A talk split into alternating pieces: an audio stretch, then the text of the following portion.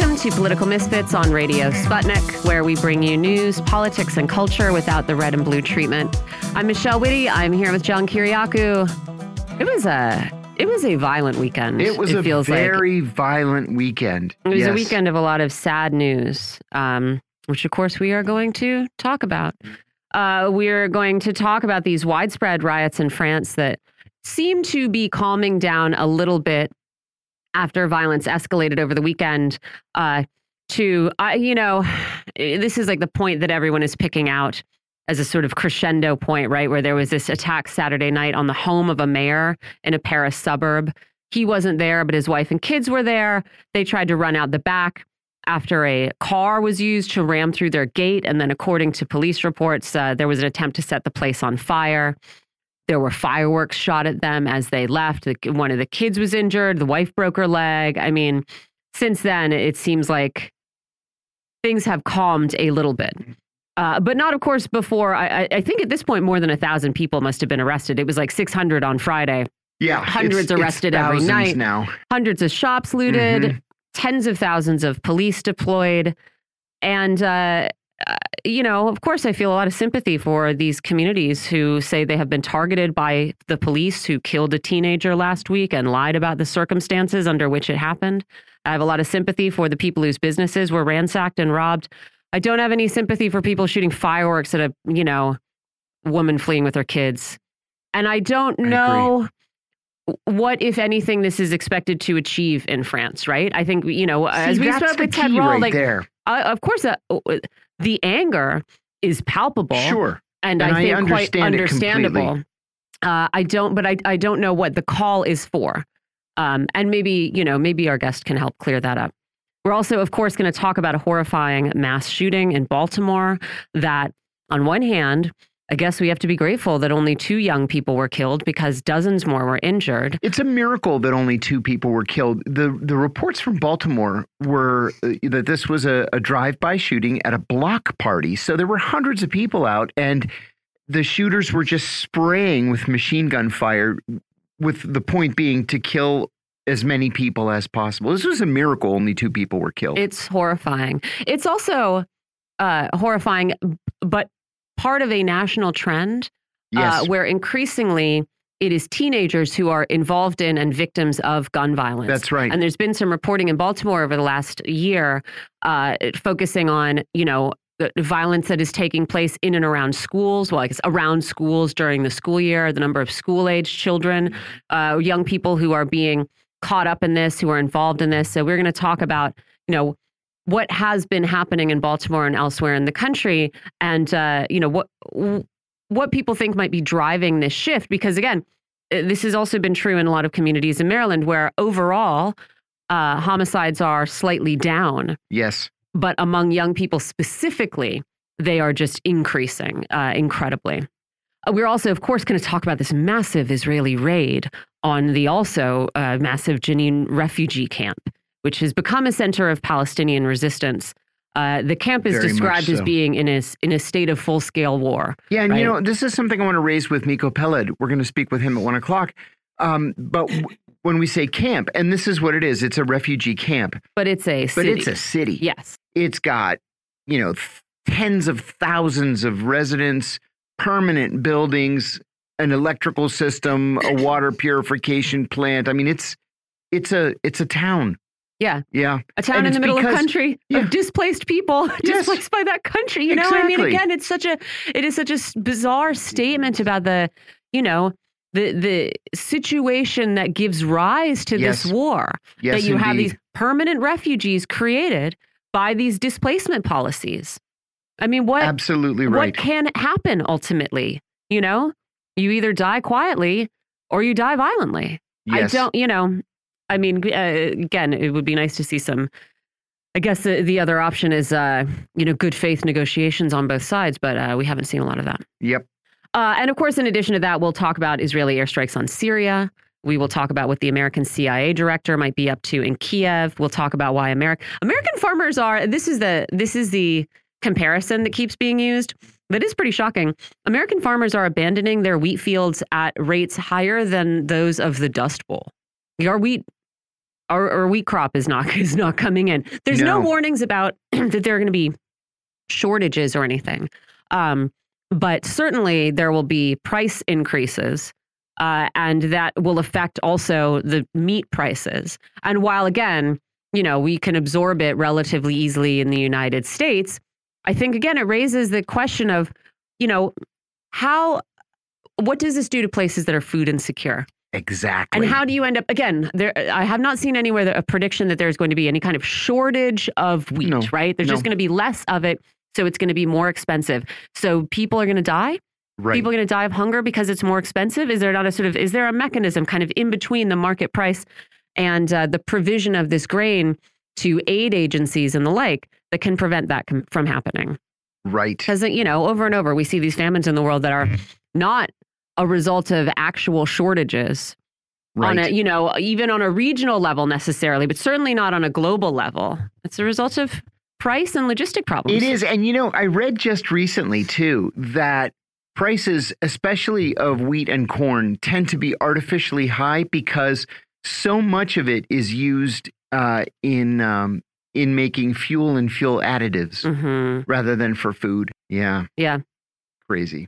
Also, of course, we had a uh, a weekend of news stories about Hunter Biden, including we. Hunter, you know, taking pictures of himself while smoking crack, uh, smoking crack while driving, taking pictures of himself driving at 172 miles an hour in his Porsche. This was this was in 2018. How old is this man in 2018? He's he's like my in his age. late 40s in 2018. I think Uh, he's like or- 50 or 52 now. He's in his fifties now. Sorry. So sure, he's around fifty. And again, this is personal, but uh yeah, it's like grow up, man. sorry, that's What it for me. doing? No, that's it for me. Like you don't that's a terrible thing to do. That's Yeah. a terrible thing to do. You just you're driving this huge powerful machine at speeds that's uh, you know, kill yourself, that's fine, but you're going to run over No a bunch problem. of people, you're going to kill a family in kill- another uh, car. that's you're right. a ter- you're a terrible person. Exactly That's right.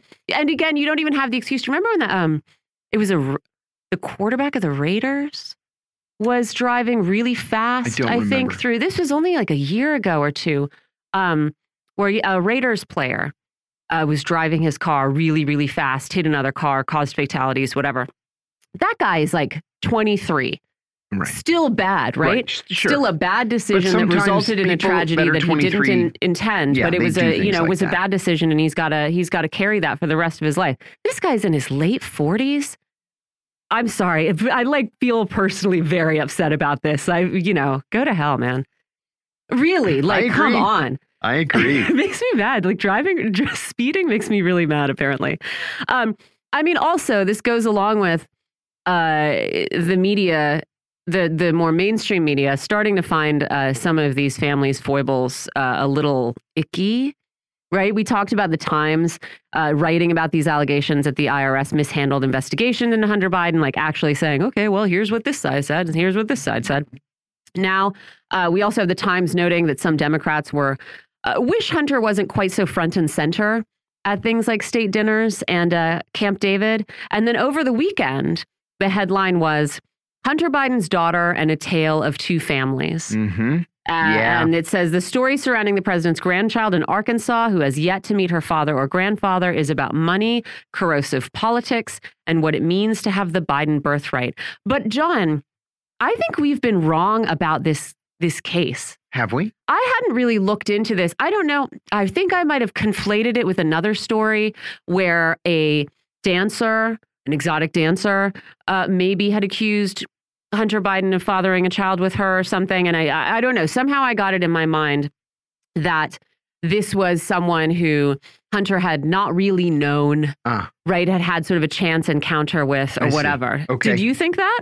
Uh, no, I don't know. Oh, that doesn't you, sound familiar to me. Oh, so you know this was someone who was like his personal assistant Yes. and they worked together closely they were- and then he just sort of disappeared. Okay. I mean, that to me makes it even worse.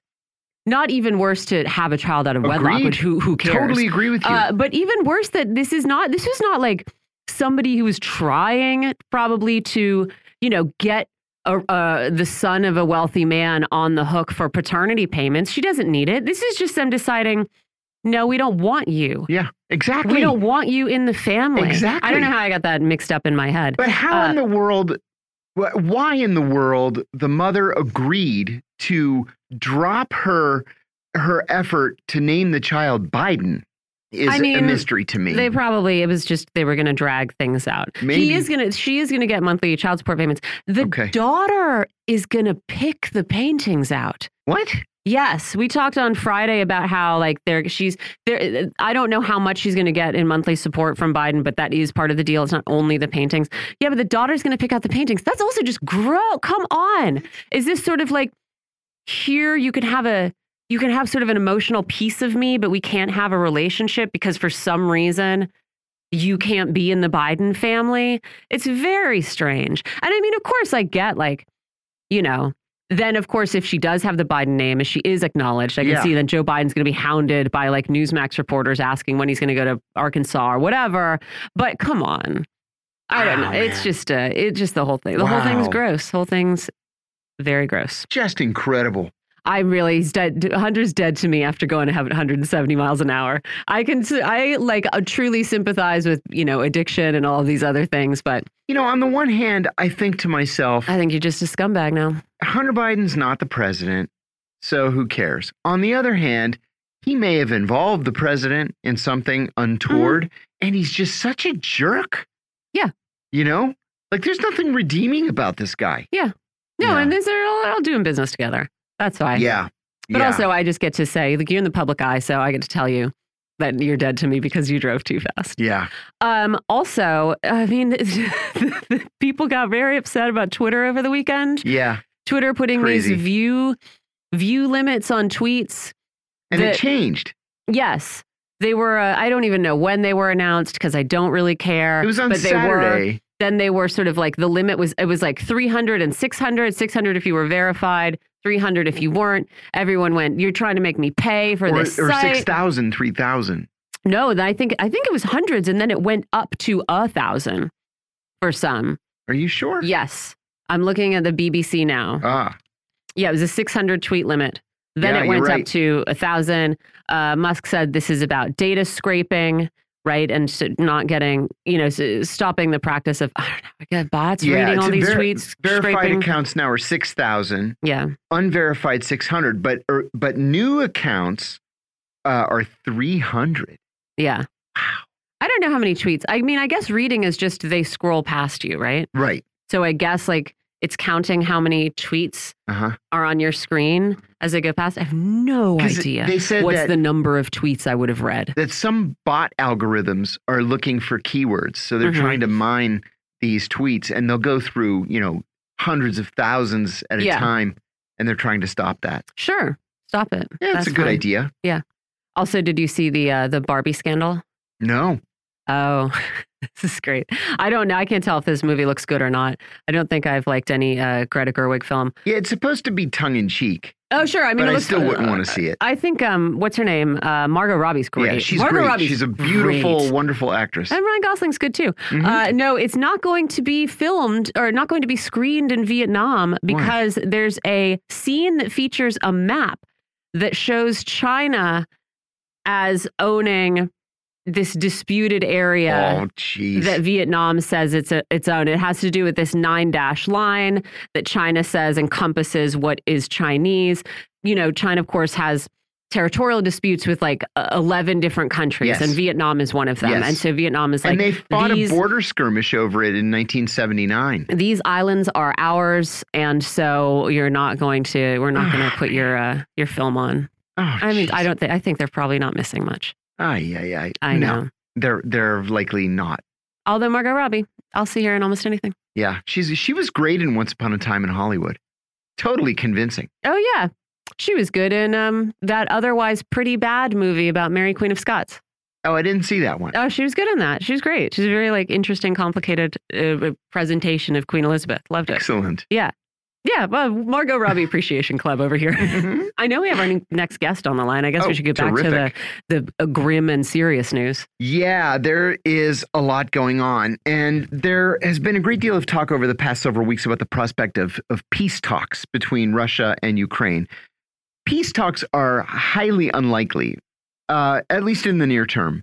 The biggest sticking points for Russia are that Ukraine refuses to consider recognizing the Russian recognition of the ethnically Russian provinces in Donetsk and Luhansk, which are now formally part of Russia. Which are now formally part of Russia, as well as Crimea. Mm -hmm. The the uh, Ukrainians say 100% Crimea has to be indivisible Ukraine.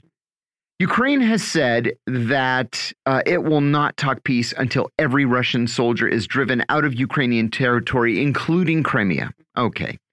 The Ukraine, I'm sorry, and Ukraine, I should say. I don't want to say the Ukraine, right?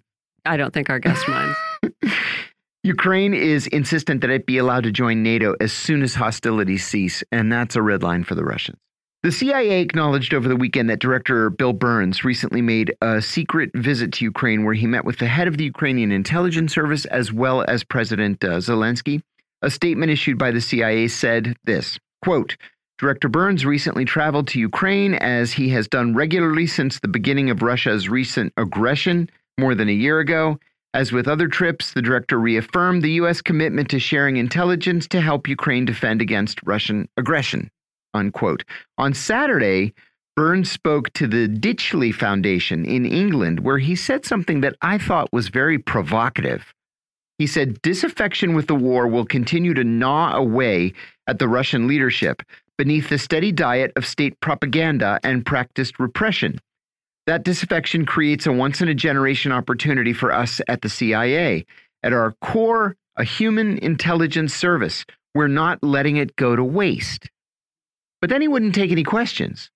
Okay. Right. So also, what the heck is that supposed to mean? I was just thinking like would that it were that disaffection with war could be considered a once in a generation experience once for Americans. Once in a generation. Man, that'd be great.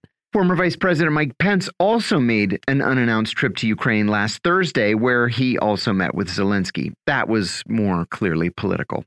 And a standoff continues between Armenia and Azerbaijan which accuses which accuse I should say each other of blockading mountain passes and border crossings. The Russian government has accused the Azeri government of promoting propaganda against Armenia.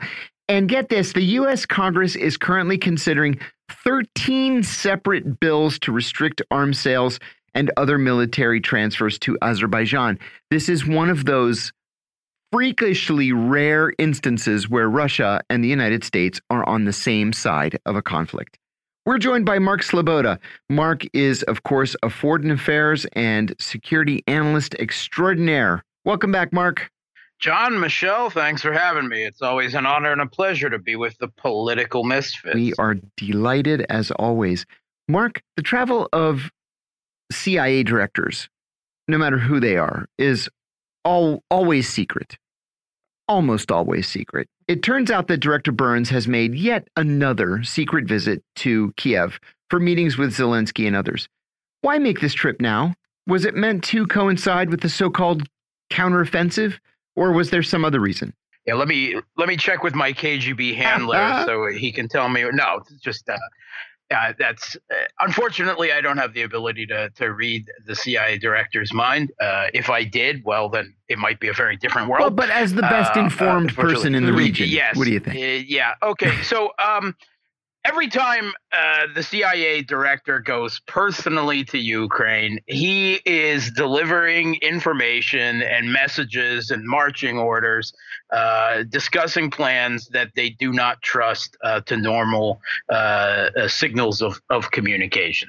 Um, it is very likely that it in some way coincides with the Kiev regime's grand summer offensive that has been going on. We're now into the fifth week, right. and the Kiev regime has still very minimal gains yes. and very high attrition uh, as a result of this. Although it must be said that that offensive is is not yet over.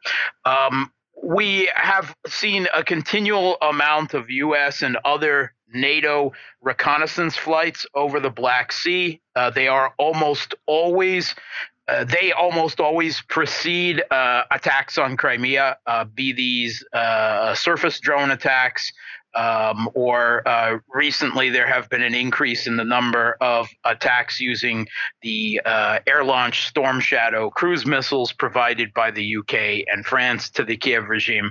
They haven't had uh, a lot of success with that or, or with the HIMARS recently because Russian uh, air defense and electronic warfare have proven uh, quite effective, uh, not 100%, but quite effective in, in eliminating that. Um, it is very likely that some other strikes uh, that we're not aware of uh, are in the works. There has been evidence uh, on the front lines, uh, particularly in the east, but also across the Harrison River, that the U.S., uh, possibly other NATO countries, has quietly provided some undisclosed electronic warfare capability to the Kiev regime. Uh, that is a a secret matter. Uh, generally, electronic warfare is not something that is generally yeah. discussed uh, by the U.S. West, so there is the possibility of that.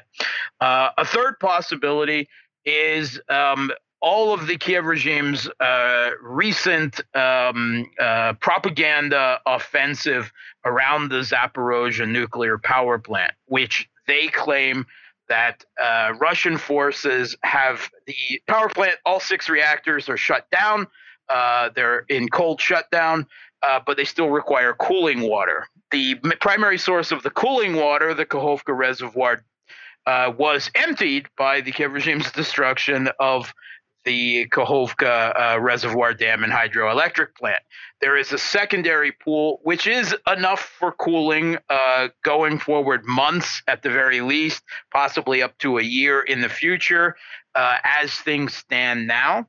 Uh, but the Kiev regime has accused Russia uh, of mining the uh, cooling water pond and the pumps. Huh. However, the International Atomic Energy, they're accusing it of plotting some nuclear terrorism where they're going to withdraw and re- remotely detonate and blow up and cause an act of nuclear terrorism um, in order to stop the Kiev regime's wildly successful offensive, which isn't wildly successive in the slightest, um, at least not so far. So, um, the International Atomic Energy head, Rafael Grossi, has recently spoken several times to the press, including most recently France 24 over the weekend, where he was asked about this, and he said quite clearly the International Atomic Energy Agency has an observer mission on the ground in the Zaporozhye nuclear power plant with complete access to the facility. Uh, they say that Russia has mined the perimeter of the Zap outside the, the and the approach to the Zaporozhye nuclear power plant for defensive purposes, and they don't like that. But it in no way affects the safety or operation of the plant. Mm-hmm, he also mm-hmm. specifically mm-hmm. said that they have seen no evidence that Russia has mined the cooling water pumps or the pond, as the Kiev regime says they have. Uh, and they have people on the ground. And Grossi was actually just there uh, last week. Uh, so that certainly doesn't play to the Kiev regime's propaganda about this. It is very possible that uh, coinciding with a two pronged attack, that uh, at one prong of it is meant to cross the now emptied Kakhovka reservoir uh, at least with infantry. It's not known yet if the ground is dry enough to support heavy military vehicles. Um, to uh, try to push Russia out of Energodar, the town where the Zaporozhye nuclear power plant is located, and then launch a false flag of some sort. Um, uh, to blame Russia for a nuclear incident, yeah. which would be the purpose would be to freeze and international, possibly internationalize the conflict. Uh, there would be international community outcry. The Kiev regime would blame Russia. The Western mainstream media would uncritically and unquestioningly do so um, because that's what they've done this entire conflict, no matter how many times they've been burned on the Kiev regime's lies of non responsibility. Um, and it would very, uh, it, it is entirely possible that it could provide the pretext for the US, Poland, and other NATO member states to send uh, at least peacekeepers mm-hmm. into Western Ukraine. Uh, a U.S. reconnaissance plane uh, specifically with the purpose of detecting radioactive emissions, has also been launched into the area over recent days. I am highly suspicious that this might be something that Director Burns came to Ukraine to talk about. There, there of course, there's a fourth option of of uh, dirty tricks cooked up, which we have no idea about. Yeah. There was an attempted assassination of the head of Crimea um, uh, or a planned assassination that was thwarted by the FSB. Such political assassinations by Kiev regime is also routine. We could see something of that sort meant to uh, destabilize uh, Russia and and uh, the you know the former East Ukraine. These things continue on a regular basis. So there's a lot the CIA could be involved with at this point. Yeah. Uh, but whatever it is, it's got to be important. I want to ask you about peace talks and I know that this is just wishful thinking on the part of a whole lot of pundits, but we keep hearing about peace talks and uh, and whether or not they're possible. Give us an update on Russian thinking about peace talks. The two sides have their red lines, and they seem to be so far apart. Is there any hope for any negotiated peace, at least at this stage? Could could we all imaginatively hold hands now? Yeah, exactly. I would love Kumbaya. to. Exactly. I'm really committed to it. Okay, so yeah, th- there's there's no there's no chance of peace no. uh, in this conflict. There's no chance of a peace deal anywhere in the near future, the short future, and I'm almost certainly no time in the long future at all. Everything that the West says about uh, the uh, Kiev regime, uh, uh, Ukraine being brought into NATO after this conflict is over, or the EU after this conflict is over, or a porcupine strategy of stuffing them with even more weapons mm-hmm. and F 16s and everything under the sun as soon as this conflict is over gives Russia every reason to never end this conflict. Uh, numerous uh, Russian officials, including the former president and prime minister Dmitry Medvedev, Lavrov, and others, have spoken that uh, of the need for regime change in Kiev. Uh, the Kiev regime wants to stay in power over as much as Ukraine as long as possible, uh, and uh, the the West wants to use Kiev regime, you know, against Russia. So these are mutually exclusive goals. This ends not in a peace settlement, right? This is not a, a grand deal signed. We're not in that age. This ends with something that looks a lot more like Syria where there are uh, opposing military uh, forces within an area that sign no peace deal. And the best that can be said is that the firing stops to some degree for some period of time. And what amounts to a ceasefire um, and military deconfliction, but nothing more. Um, and both sides then use uh, that time to rearm and begin the conflict again. This will be a zone of uh, instability and destabilization uh, uh in uh, Europe uh, for decades, probably for the rest of our lives. Uh, and uh, you know, since 2014, the putsch there that that uh, you know overthrew the government of a national identity conception divided Ukraine. That is Humpty Dumpty. you know, sitting being pushed off the wall, and you're never going to put that egg back together yeah. again. It's not going to happen. Yeah, uh, you know, I just as an aside, I, I, have to laugh when I see these statements coming out of the Pentagon or coming out of the White House or sometimes the State Department saying that no, no, no, we want the counteroffensive to go slowly because this is so important that you have to be very Gotta deliberate right. in in how you do this. You can't just run roughshod. Like, oh, okay, that's one view. Western military experts before the counteroffensive were talking about the need for speed and momentum and a blitzkrieg to push past Russian lines. But hey, you spin it the way you the way you got yeah. to, right? Yeah. That's it. Tell us what's happening between Armenia and Azerbaijan. There's literally nothing in the international press about this conflict uh, right now.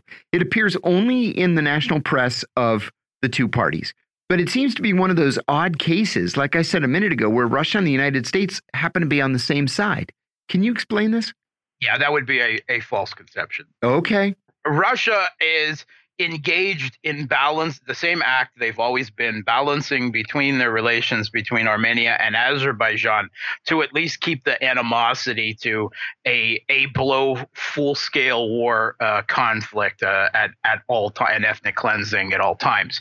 The U.S. has recently seen an opening with political dissatisfaction, particularly with the president of Armenia, who is very regretful of the situation he finds himself in, would like to lean closer to the West, has for years, but finds himself geographically and geopolitically unable to do so.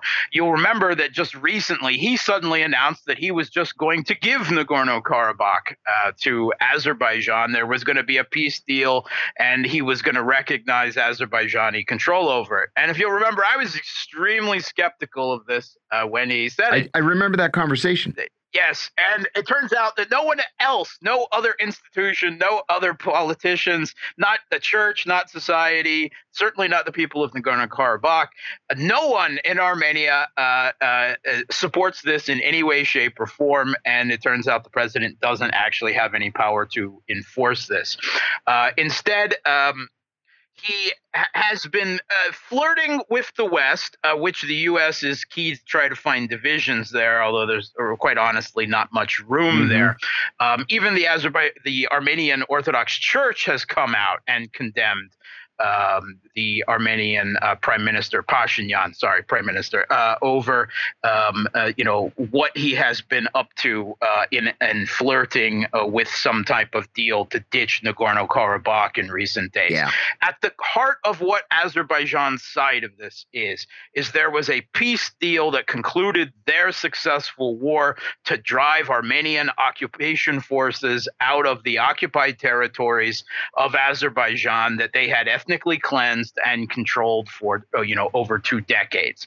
Part of that was the opening of the Zangezur corridor connecting the two parts of Azerbaijan. It is a divided country with Armenia in the middle. Um, that would have created a transit corridor basically connecting Turkey, um, uh, the uh, southern part of Azerbaijan with the rest of Azerbaijan, a grand trade corridor. That was agreed to in you know what were the surrender peace negotiation terms. However, because that is politically dynamite in Armenia, it has never been completed, and as a result, uh, it has never been, really been started the Azerbaijan has been putting a blockade on, uh, not 100%, but a, a, fairly tight blockade on Nagorno Karabakh for months now as a result. Uh, ultimately, Pashinyan is in a very bad political position with no real way to turn. Excellent. I want to switch also, if I could, to France. Um, I know this isn't your your normal normal bailiwick, but I know that you've been following the situation as closely as we have. We're certainly oui, oui, monsieur. we we we've seen civil unrest in France before, many, many, many times. Um, going back to the you know the summer of '68. Sometimes it's tied to political developments. We saw recently with the yellow vests. Sometimes it's tied to police shootings, like it is here in the United States. The shooting of this 17 year old Nahel M has not led to the worst violence in recent history, but the violence is still significant. So, what should we expect to see come out of the, the French government? Um, should we expect to see some sort of changes? And the reason I ask about that specifically is uh, many observers were surprised that the cop was arrested and charged with manslaughter because just a few years ago, the French National, National Police changed their policy to allow the police to fire at fleeing cars. And that's what happened here. So give me your thoughts on this. Yeah, as far as I can see it, and I'm not a French expert, uh, just to be clear, um, the, the big, most three recent protest movements of size in France over recent years have been the Yellow Vest movement, which is uh, leftist uh, in in many ways orientated. Um, we saw the um, the large national uh, protests against the neoliberal reforms uh, uh, raising of the pension uh, age plans by um, the Macron regime. Um, which drew wide support, wide condemnation of the move uh, from across French society. And now uh, another uh, outsurge of, of you want to call it racial uh, or ethnic violence among disaffected uh, uh, immigrant groups. Uh, they're economically disaffected, they're politically disaffected, they're socially disaffected because there's no effective plan for integrating them into into French society in general. They're uh, all quite separate. They all have different grievances with the Macron regime. Macron's approval rating now is somewhere in the mid 20s. Wow. His disapproval rating is 67%. Um, so um, there's a lot of people who have a lot of problems uh, with him. Here's the problem electorally, the opposition to the the usual center right, center left uh, combination that we see in most Western countries is a far right and a far left. At least that's the way it's demonized uh, by the media to to uh, you know keep it separate. Um, the uh, it, and like in many European countries, the the quote unquote far right is more the grievances tend more on the social to do with Im, uh, excessive immigration as they see it, um, and uh, traditional values um, and and um, society. Yeah. Uh, whereas the left is more concerned with economic uh, issues, uh, also to some extent with foreign uh, policy. Um, but there is remarkable overlap between them.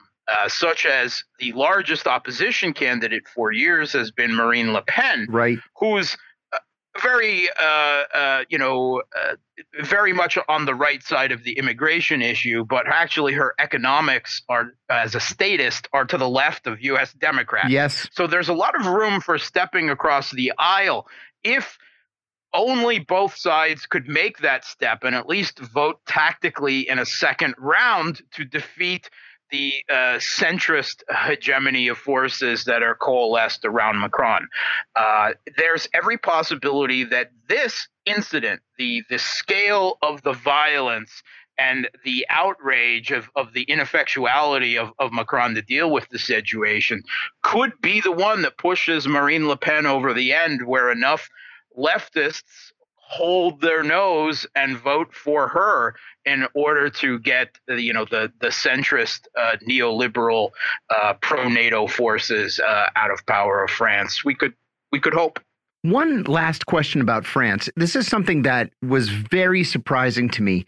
A man was killed uh, while participating in a protest, an anti-French government protest in French Guiana, which is a French colony, and uh, arrests were made on the uh, the island of Réunion in the in the in the Indian Ocean, which is another French colony, uh, because people there were marching against the government.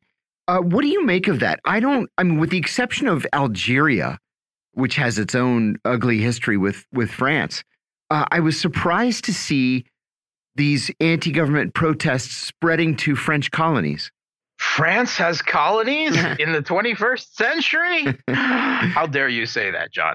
Um, yeah, I, I, this is how far the disaffection with Macron's policies have spread. Even the French colonies that have been, you know, shall we say, loyalists uh, to France uh, for decades uh, are starting uh, to to feel, uh, you know, both the economic uh, and the social disaffection that the Macron government is generating in so much of his own populace. And what's more, I think it's even going beyond Macron because we have seen Macron in France because we have seen similar riots uh, copycat riots, if you will, across the border into both Belgium and ah. Switzerland in the last few days.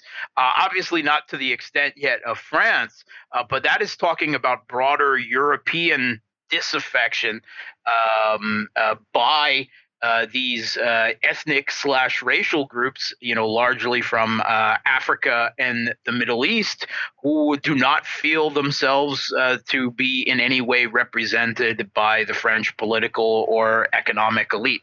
Uh, and I think it's starting to rear up its head as as kind of a a um, overflow, if you will, uh, out into the colonies or former colonies as well.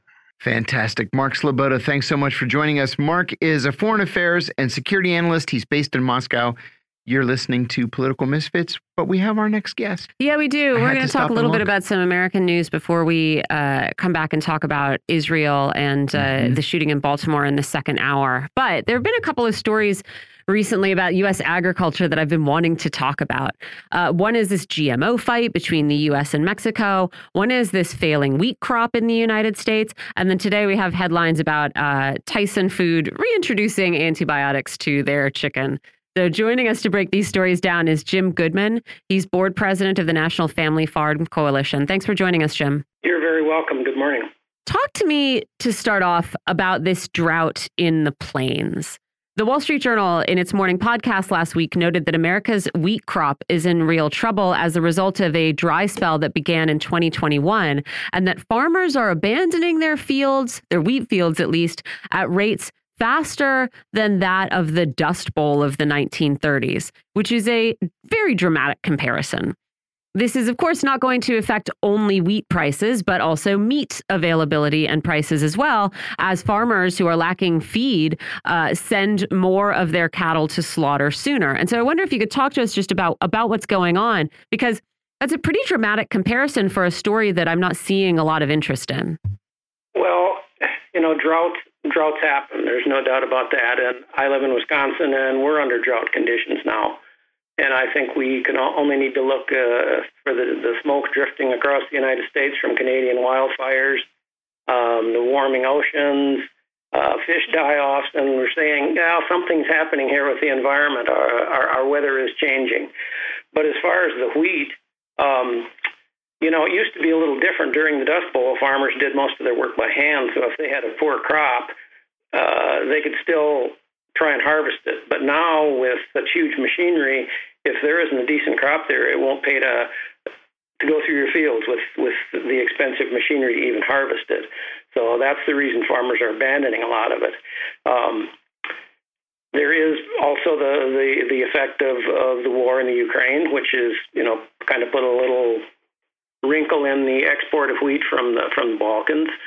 But it's really funny because uh, if you look at the Chicago Board of Trade over the last few weeks, wheat, corn, soybean prices have all been up and down, but mostly going down mm. because the grain traders say, well, yeah, but there's a promise of or a potential for, for rain in midweek. So really, the prices don't. Uh, I guess the prices you could say are more impacted by what the traders want the prices to do rather than real world conditions. I was curious about like the, you know the difference. I mean, I was I was listening to that Dust Bowl comparison, thinking there's got to be something else going on here, right? And yeah, the the idea of sort of what is considered to be worthwhile now versus what was considered worthwhile then is probably really different when it comes to you know labor costs and machinery costs and the like. If you're farming for your family versus if you're farming just to sell. Exactly. And um, back then, farmers were farming to sell, but if, if times got tough, if the weather was bad, they would just harvest what they had for themselves and hope for a better year next year. Mm-hmm. But now, with thousands and thousands of acres under the control of you know one farmer uh, with huge machinery, if there isn't a decent yield there, it's cheaper to just let it go. And again, you know, it's uh, I'm glad to hear that it doesn't seem necessarily that we are going to see a price surge, but I did want to talk about the relationship between commodity prices and hunger. Uh, because in the last couple of years, especially since the start of this conflict in Ukraine, we've heard a lot about, you know, what can happen if grain uh, you know, if, if, grain can't be transported or, you know, if, if it's blocked somehow by war. I don't really see a lot of discussions of what happens just when it gets expensive.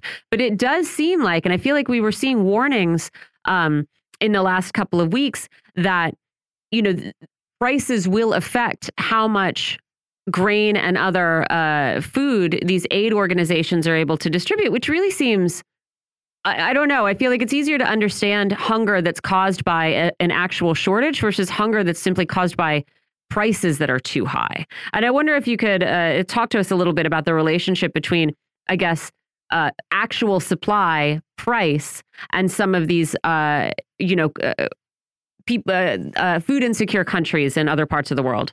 Well, you know, there's never a shortage of people, or never a shortage of food if you've got money, right? if you, if you have the means, you can afford to buy food. Uh, unfortunately, that's not the case with a lot of, of countries in Africa and uh, what people call the developing world. And of course, when you get a, a war like in the Ukraine, when supply chains are disrupted and the wheat's there, uh, the food is there, but they just can't get it because the infrastructure is destroyed. And I think that applies to getting food uh, through aid organizations into countries in Africa that are also having droughts. Uh, when the supply chain is disrupted, it's hard to get it there. And like you said, if the price goes up to a certain point, aid agencies can't afford to buy it. So to me, the real the real question is not a question of food shortage, but uh, of, money, a shortage of money mm -hmm. for the mm-hmm. people that can afford to buy food. Which is just astonishing, right? Because you just think like, oh, this is this is an insurmountable uh, logistical hurdle. This is a decision by the government. They're banning aid, whatever. When it comes down to just this is just cost we're not going to buy more we're not going to buy more grain for you to give to these aid organizations because it costs too much that's just i don't know it's unconscionable well you know if you if we would decide to buy a one less aircraft carrier mm. or something that would probably provide a lot of food yeah absolutely Talk to us also about this dispute between Mexico and the United States over genetically modified corn. Mexico wants to ban the import of genetically modified corn, except right now they want to ban it except for livestock feed. Uh, but I think the idea is eventually to ban it altogether. Mexico is the leading importer of American yellow corn, which it uses for animal feed uh, and which is mostly genetically modified. The United States in the last year has gotten very angry about this ban. They say it violates the US Canada Mexico Free Trade Agreement. Mexico says it's trying to protect the health of its citizens and it wants to protect the biodiversity of its own, own corn crop. Um, it already bans the import of genetically modified seed corn. So you have the US on one hand saying our farmers are being victimized. You have Mexico saying you can't shove your GMO corn down our throats. And I wonder if you think Mexico is right to be concerned about the spread of genetically modified US corn.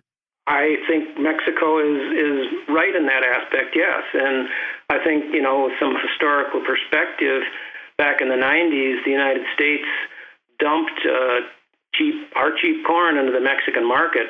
Uh, well below the cost of production, which drove millions of Mexican farmers out of business. They ended up going to work in the maquiladoras, and then later, of course, mm. a lot of that's the reason we have so many immigrants coming across the border because they were driven off their farms. So they, you know, they've seen this before. Uh, this is a little bit different uh, because it is the GMO type corn, and first of all, they want to protect their native varieties of corn um, which have already shown some cross pollination with GM varieties, and they also want to protect the health of their people. You know, we talk about sound science, but it's our definition of sound science, mm-hmm. not their definition. And they've done plenty of research, as has the European Union, that shows that there is a, t- a risk uh, to spe- specifically to glyphosate, but we don't know about the uh, humans eating GMOs because we've never done the long-term studies. Oh, good. Europe has banned uh, GMO for many years. You know, that's mm-hmm. that's easing some, changing some. But no, I think Mexico has every right. And the text of the uh, trade agreement uh, specifically states that there's nothing in the agreement that says a country is forced to put a product on the market that they don't want to. Can I ask? Because I was surprised to see that Mexico doesn't produce enough of its own corn you know, for animal feed that it has to import. Is any of this due to what you talked about in the 90s of the U.S. dumping a bunch of our cheap corn on Mexico and pushing some of their farmers out of business? Well, I, I don't know if I've ever seen documentation of that, but it sort of makes sense. If you push a bunch of farmers off the land and they're not there to grow the crops they used to grow, uh, you know, mm -hmm there's going to be shortages. And and then you know I think you mentioned it in your intro about about white corn. This this is basically the only thing that Mexico is banning at this point. They backed off on the GM yellow corn. Just don't want white corn, which is used in tortillas and you know white corn flour. They don't want imports that people are directly eating. And only about 4% of the corn produced in the United States is white corn, and not all of that's exported. So you know, really this is kind of a tempest in the teapot, but it all goes back to that uh, control. The industry wants control. They want free markets. They want to be able to say who should be forced to take what, um, no exception. Mm-hmm. And I think I think they feel if they win this one, um, it's going to open doors in the future. And you know, I mean, of course, Formally, this is a dispute between the United States government, the Mexican government, the Canadian government, but you're talking about the industry. And I wonder if you could just remind us of how intertwined uh, this agricultural industry and the, and, you know, not farmers, so to speak, but like the handful of enormous producers who have monopolized our markets, how intertwined they are with the government that is supposed to be maybe uh, making sure that these GMO products aren't um, harmful to us in the long term? Well, I, I don't think it's any secret that government policy is based on pressure from lobbyists. You know, you can go to Washington to the Capitol, to the office buildings any day of the week, and there's lobbyists lining hallways. Um, and they're basically representing big trade groups, and a lot of those are agribusiness groups. Um, they influence policy, they write policy. And it seems that the government uh, is more interested in protecting the interests of corporations, and not just in agriculture, but in most things, more interested in corporations than they are uh, of people. Um, and if that weren't the case, things might look a lot different. I also, it's sort of serendipitous that we have you today because Tyson Chicken was in the headlines today because it is going to stop labeling its chicken as having no antibiotics ever.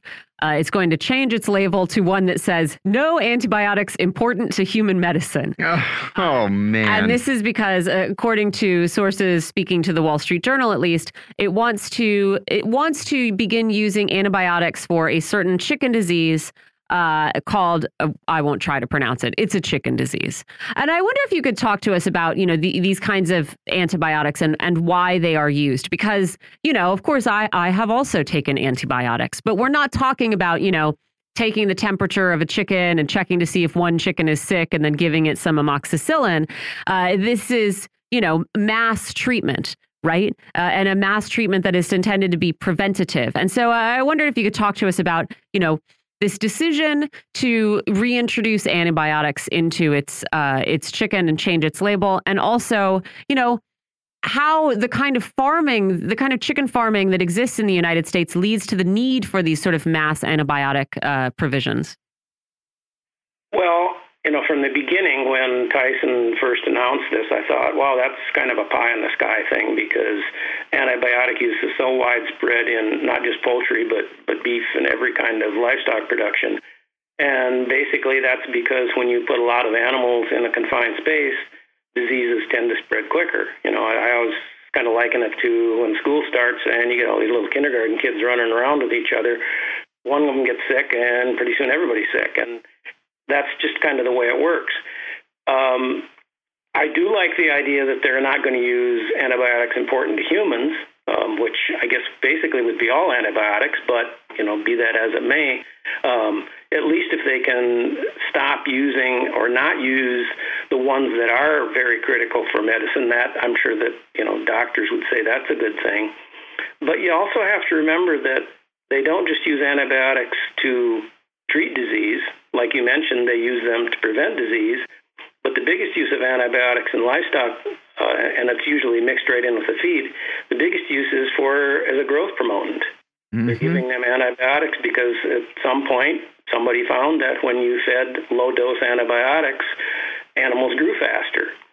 Later, they found out that low dose antibiotics are not a good thing because that way microbes, bacteria can develop immunity to them.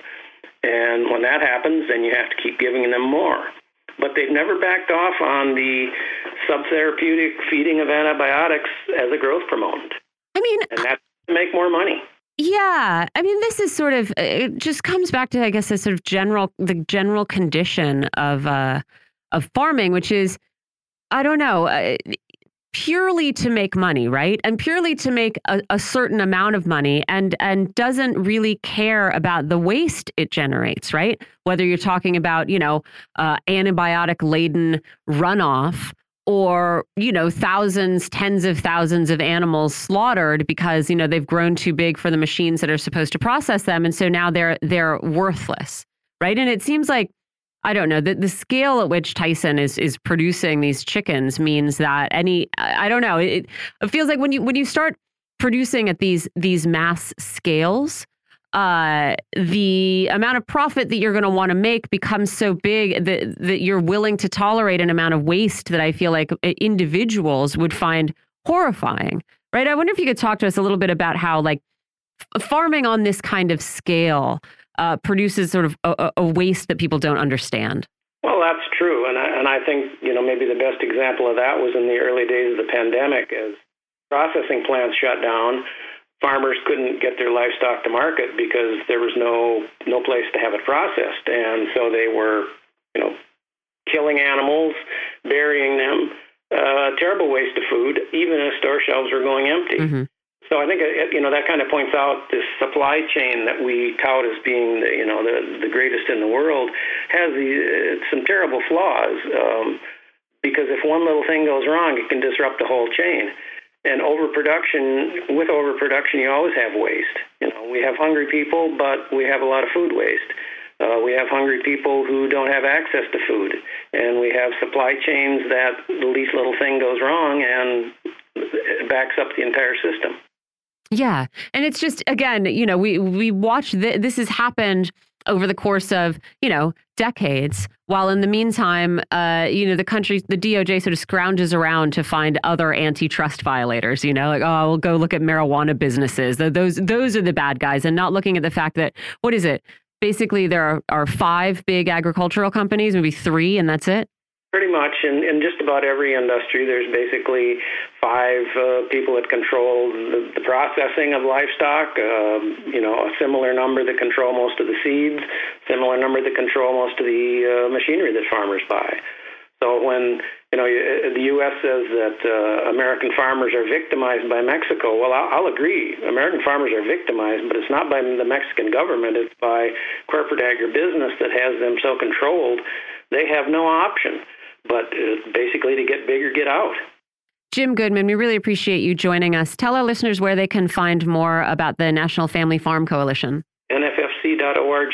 Fantastic. Thanks a lot, Jim. Take care. Have a good holiday. Thank you. Hey, John, we have just a couple of, uh, of minutes left. Uh, congratulations to Maryland. Yeah, what would Maryland do? Recreational marijuana. Oh yeah, that's right. Legalized. It's I forgot. officially open. It's uh, you can go and buy it. There was, I guess, a big celebration uh, down at, in Chevy Chase. Like at this sort of DC Maryland border, there are a bunch of people with weed T-shirts and stuff on. Also, here's something that I mm, would have guessed but didn't. I, I didn't know. Right? It's sort of been up in the air. It's still a question what happens at airports you know, if, if, you are in a state, if an airport is in a state where drugs are legal. And so um, Axios has said, and I don't think that I actually really knew this, uh, but that, or I, I, mean, maybe it hadn't been made completely explicit to me, uh, but TSA agents in places where marijuana is legal are not looking for, they're not looking for marijuana or other drugs. I'm surprised. Yeah, the TSA does not search for marijuana or other drugs. If it is discovered, then the TSA will refer the matter to local law enforcement to decide how to handle it. So, I'm surprised. So they'll maybe send you to, you know, the the whatever county law enforcement it is for where your airport is. Mm. I always thought that was cool. Okay. Yeah. Yeah. Interesting. Congratulations, Maryland. We're wow. going to come back. We're going to talk more about what's going on in Israel and what happened in Baltimore this weekend. You're listening to Political Misfits on Radio Sputnik. We're live in DC, and we'll be right back.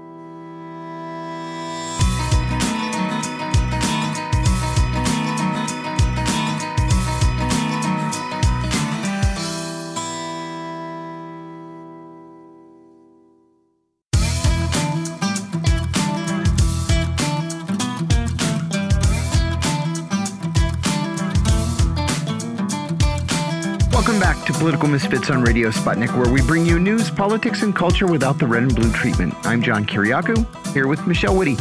There was a serious escalation in violence in Palestine this morning as more than 1,000 Israel Defense Force troops entered the Palestinian, Palestinian city of Jenin.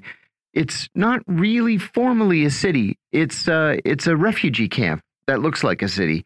Eight Palestinians were killed there and nearly 100 were wounded in the air and ground operation, which the Israeli government said flushed out a terrorist cell. A ninth Palestinian was killed in Ramallah in a demonstration. This is the worst violence in Israel or Palestine in 20 years. That's since the Second Palestinian Intifada. And last night, the IDF used drones, rockets, tanks, and ground troops Jenin's deputy governor told Al Jazeera that the IDF had not only targeted individuals, but also targeted the camp's infrastructure, including electricity, water, and telecommunications. The Israeli military wasn't focused solely on Jenin over the weekend either. On Sunday, the Israeli Air Force bombed targets in the central Syrian city of Homs after a Syrian air defense missile, missile exploded over Israeli territory. The Israeli media reported that a Syrian missile fired from a base in Homs landed in the desert in southern Israel. Israeli uh, officials rarely comment on strikes against Syria, but it, but these same officials said over the weekend that the country would continue its attacks on Iran's presence in Syria and would do everything it had to do to protect Israeli citizens. We are happy to be joined by Miko Peled.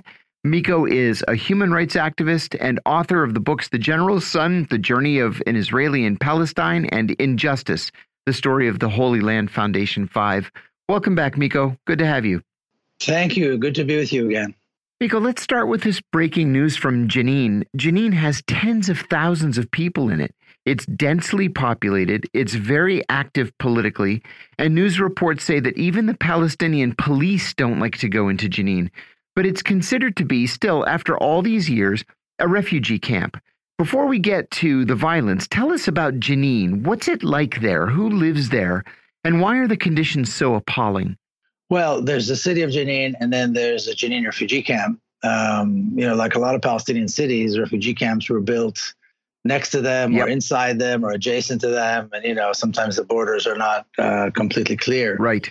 Um, but you know, like all Palestinian refugee camps, they're crowded. They're uh, you know the, the they're poor, and in Jenin in particular, Jenin has been a place where um, you know, people fight. I mean, there's a history there. I mean, the city of Jenin, the Israelis wanted to take Jenin all the way back in 1948, and they were pushed back by by a combination of Palestinian and Iraqi soldiers who, and you know, who fought, you know, bravely and, and pushed away the Israelis in 1948. So, I mean, this is an ongoing thing. And in 2002, um, uh, we know there's a terrible massacre as Israeli forces entered Jenin um, and you know, and on and on. And last time I think we spoke was also there was an attack in Jenin, and right. I'm, I'm actually looking right now at this video that was published by the put out by the IDF, where uh, Israeli special forces are um, in a in a you know exchange of fire with with Palestinian fighters. And you look at this, and it's it's quite fascinating. You know, these these Israeli so-called special forces, some of the you know best armed, best fed, you know best trained commandos in the world and they can't defeat these palestinian fighters who have not have that not nearly the same kind of training not nearly the same kind of, of, of hardware not nearly the same kind of logistic support logistical support and the Israelis have to bring in the Air Force, they have to bring in the tanks, they have to bring in the artillery because fighter to fighter, the Israelis, with all the training and all the weapons and all the money and all the you know, all the privilege that they have, are not able to defeat the people in Jenin. And so I think it's very, very interesting. But this is a place that people fight. You know, some, some, you know, this is one of these cities that is not going to give up, and so they get punished severely. In 2002, they came in with these D9s, and they wiped out. You know, they were the, the Israeli drivers who drove these D, these massive bulldozers uh, were joking that they uh, they they created a, a soccer field in the middle of a camp. Of course, killing God knows how many yeah. um, in the process. You know that this was what they're doing now. It's punitive. It's just punitive.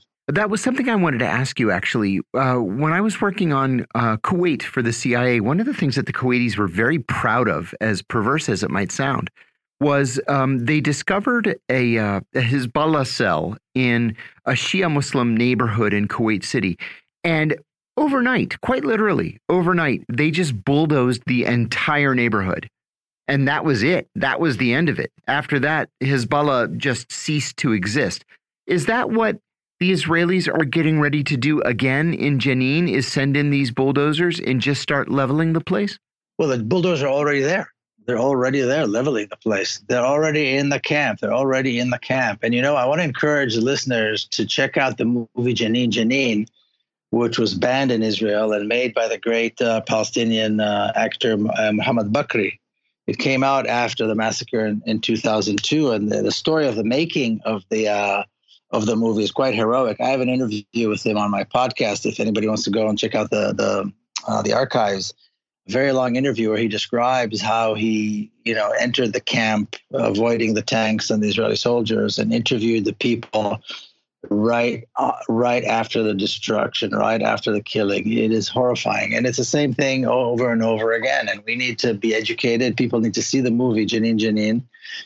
It's it's free on YouTube I think. You're going to see it anywhere um, and like I said the last time we spoke I mean I think the the support and the that we need to show the people of Jenin and the fighter of Jenin must be absolute they are fighting for their lives they are overpowered you know, one to a thousand by the Israelis in terms of resources and manpower and everything else and ability. But um, they're fighting hard, and this is this is revenge that for for the fact that the people of Jenin uh, will not will not bow down. I want to ask you about uh, an, another aspect to this conflict uh, in Jenin. We're seeing Israeli government attacks in Jenin a lot over the last couple of months. What we're not seeing necessarily is Palestinian uh, attacks against Israelis uh, coming from Jenin. So why the focus of this new government on Jenin? Well, Jenin, uh, they they you know they they have they have a serious you know they've got some serious fighters in Jenin right. compared to other parts. Uh, Jenin and Nablus are both places where I think you said in the introduction. And, even even the Palestinian Authority doesn't dare enter those those refugee right. camps um, because they are in charge and they are, you know, they're determined to fight and they're determined to stand up. And so it's that, that's what it's all about. It's not really about fighting, uh, you know, a particular attack. It's about it's about revenge. It's about showing who's boss. It's about saying you're gonna shoot one bullet, we're gonna come in and we're gonna destroy uh, your entire infrastructure, and they did, and they they bombed the electricity. I mean, it's not they they're not only attacking the camp, they're attacking the city too. So they're attacking the infrastructure. There's no electricity, no water supply, and so on. And um, it's about that. It's not so much a tit for tat. It's about we're going to show these people, who, you know, who's boss here, and it's also about Netanyahu showing his right flank, the supporters of these radical um, racist gangs who really are keeping him in power, for them to be able to tell their constituents, look, you want Palestinian blood? We're going to give you Palestinian blood. And they've been demanding a sweeping attacks throughout the West Bank for a very long time, and they're getting them, and in Gaza, and they're getting them. And there's no question that an attack on Gaza is forthcoming. I don't. I don't think. That, I just posted a little clip of myself saying, you know, we got to stop arming Israel because we know the next attack that. on Gaza is coming. Yeah. So let's do something about it now before the attack. Oh, sorry. I was just going to ask. I mean, you've said uh, that uh, this attack on Jenin, you know, this is all retribution because of sort of Jenin's historic significance to Palestinian resistance. What is the Israeli military? What, what have they said is their specific goal for this raid? And and when you know what I mean? Have they, have they given a sort of benchmark for when they they will be finished? Do they have they bothered saying, oh yeah, well you know, here's what we're trying to do. Here are the people we're trying to get. Do they even bother with that anymore? Well, the latest headlines are saying, are asking, you know, is this going to be over? And it's they're saying no. They're saying that uh, Netanyahu just said Jenin has turned into a uh, into a, uh, a terror hideout, you know, like a sanctuary for terrorism. And so we're going to go in there, and we're not going to leave until we until we uh, get rid of all of them. And of course, they're always blaming the Palestinians that they have, um, you know, they've got the they've got the military or you know the resistance cells you know, inside population areas, and so therefore the IDF has no choice but to but to uh, kill um, civilians, which of course is nonsense. But this also, is there's there's not they're not showing any any any signs of, of ending this anytime soon. I think it's going to be very similar to what we saw in 2002. And I'll just say one more thing. You know, I was looking the other day. You know, Israeli Army headquarters is right smack in downtown Tel Aviv, mm-hmm. right next to the museums and residential areas. Anybody who's been there, you know, it's called the Yitzhak Rabin camp. So Israel, um, so it would be okay to bomb Tel Aviv because uh, there's military, uh, you know, the military headquarters is there. I mean, it's the same kind of logic. Mm-hmm. That's sort of what I was thinking. We spoke about um, uh, displacement uh, tactics mm-hmm. last mm-hmm. week.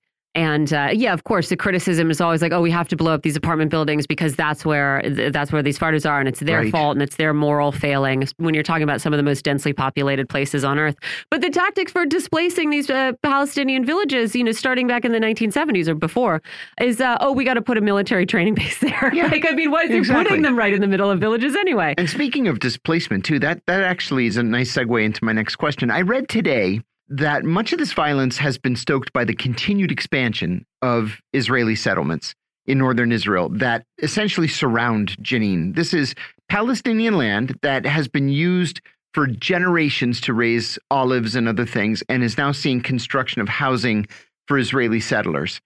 The Israeli government has said that this construction is going to continue, period. As a result, how bad do you expect this violence to get? There, there has to be a breaking point, does there not?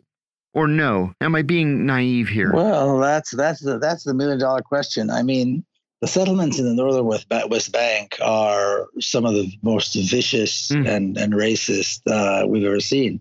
The, the, people that are sitting, the Ben Gvir and others that we've talked about in the past, that are sitting, that are really keeping Netanyahu in power now, uh, that's their base. Their base is there, there and in Hebron mostly and they want the land and they want like you said this is beautiful fertile land. The northern west bank is gorgeous olive trees and olive groves and, and whatnot and it's it's wonderfully beautiful landscape. Um, and they want it. They want the palestinians out and they want to build and they have been building like you said they've been building a lot. I mean record numbers record numbers of building for jews in the west bank over the last well since the next this government came into power. Yeah and they are determined to do everything they can to bring the Palestinians to their knees so that they can go on and build. So they're killing the, in a way, they're trying to, I suppose, get rid of the resistance um, before it even starts, because this, this settlement project with this particular government is is not going to stop. It's not going to slow down. It's not going to, you know, bow down to anybody. No pressure by any country is going to stop it. So this is what this is about, and getting rid of the Palestinians and punishing the Palestinians, even if it means punishing them in advance, is all is all part of it. And it's so easy because all they have to do is say terrorism. All they have to do is say, well, Jenin is a, is a safe haven for terrorists, so we got to get in there, and that's it. That's all they got to do. Is there any chance at all, however remote, that the United States could be bold on this issue? You know, I, so many Palestinians have told me over the years that the last president to give them a fair shake was uh, George H.W. Bush. Uh, is there any chance that the United States could step in to support Palestinian rights or at least to pressure the Israeli government to, to try to end this violence? After all, nobody seems to like this extreme right wing Israeli government. There's no love between Netanyahu and Biden. Or am I just dreaming? Well, there has to be some motivation for it. Why would why would uh, an American administration do that? For what end? Why why would they want to go in there and stop it? Right. You know, weapon sales are skyrocketing, so that's good for everybody. Um, in terms of you know, good for everybody who's on the wrong side of the issue. Um, what would be the motivation? Unless there's, unless it's, it's unless, like my friend Issa Amro always says, unless the occupation becomes so costly that it has to end and costly to the US too. It has to be costly to individual politicians running for office. Unless uh, US elected officials feel that there's a threat to their career by supporting Israel, unless they feel very clearly that if they vote to send weapons and money to Israel, they will lose their jobs. Talk about dreaming, right? Unless we get to that point, what would be the motivation for American politicians, our, our elected officials, to stop this. There is no motivation at the moment to stop it. All the motivations is for them is for them to continue. To continue the status quo.